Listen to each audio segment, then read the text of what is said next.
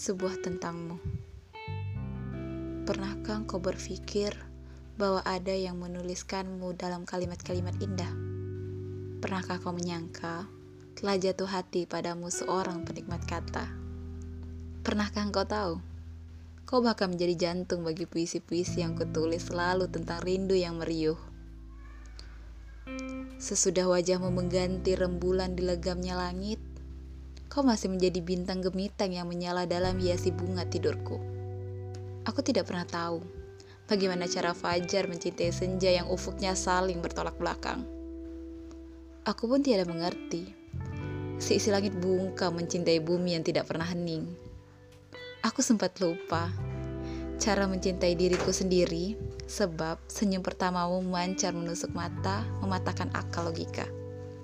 Itulah sebab aku tidak pernah mengerti apa maksud hati luruh padamu. Kamu yang selalu bungkam bila menceritakan rasa.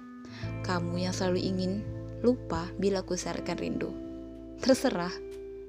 Ada sebagian potongan pertanyaan hati yang tidak harus kau jawab. Karena terkadang jawaban sebenar-benarnya adalah kau tidak mencintaiku. Sial.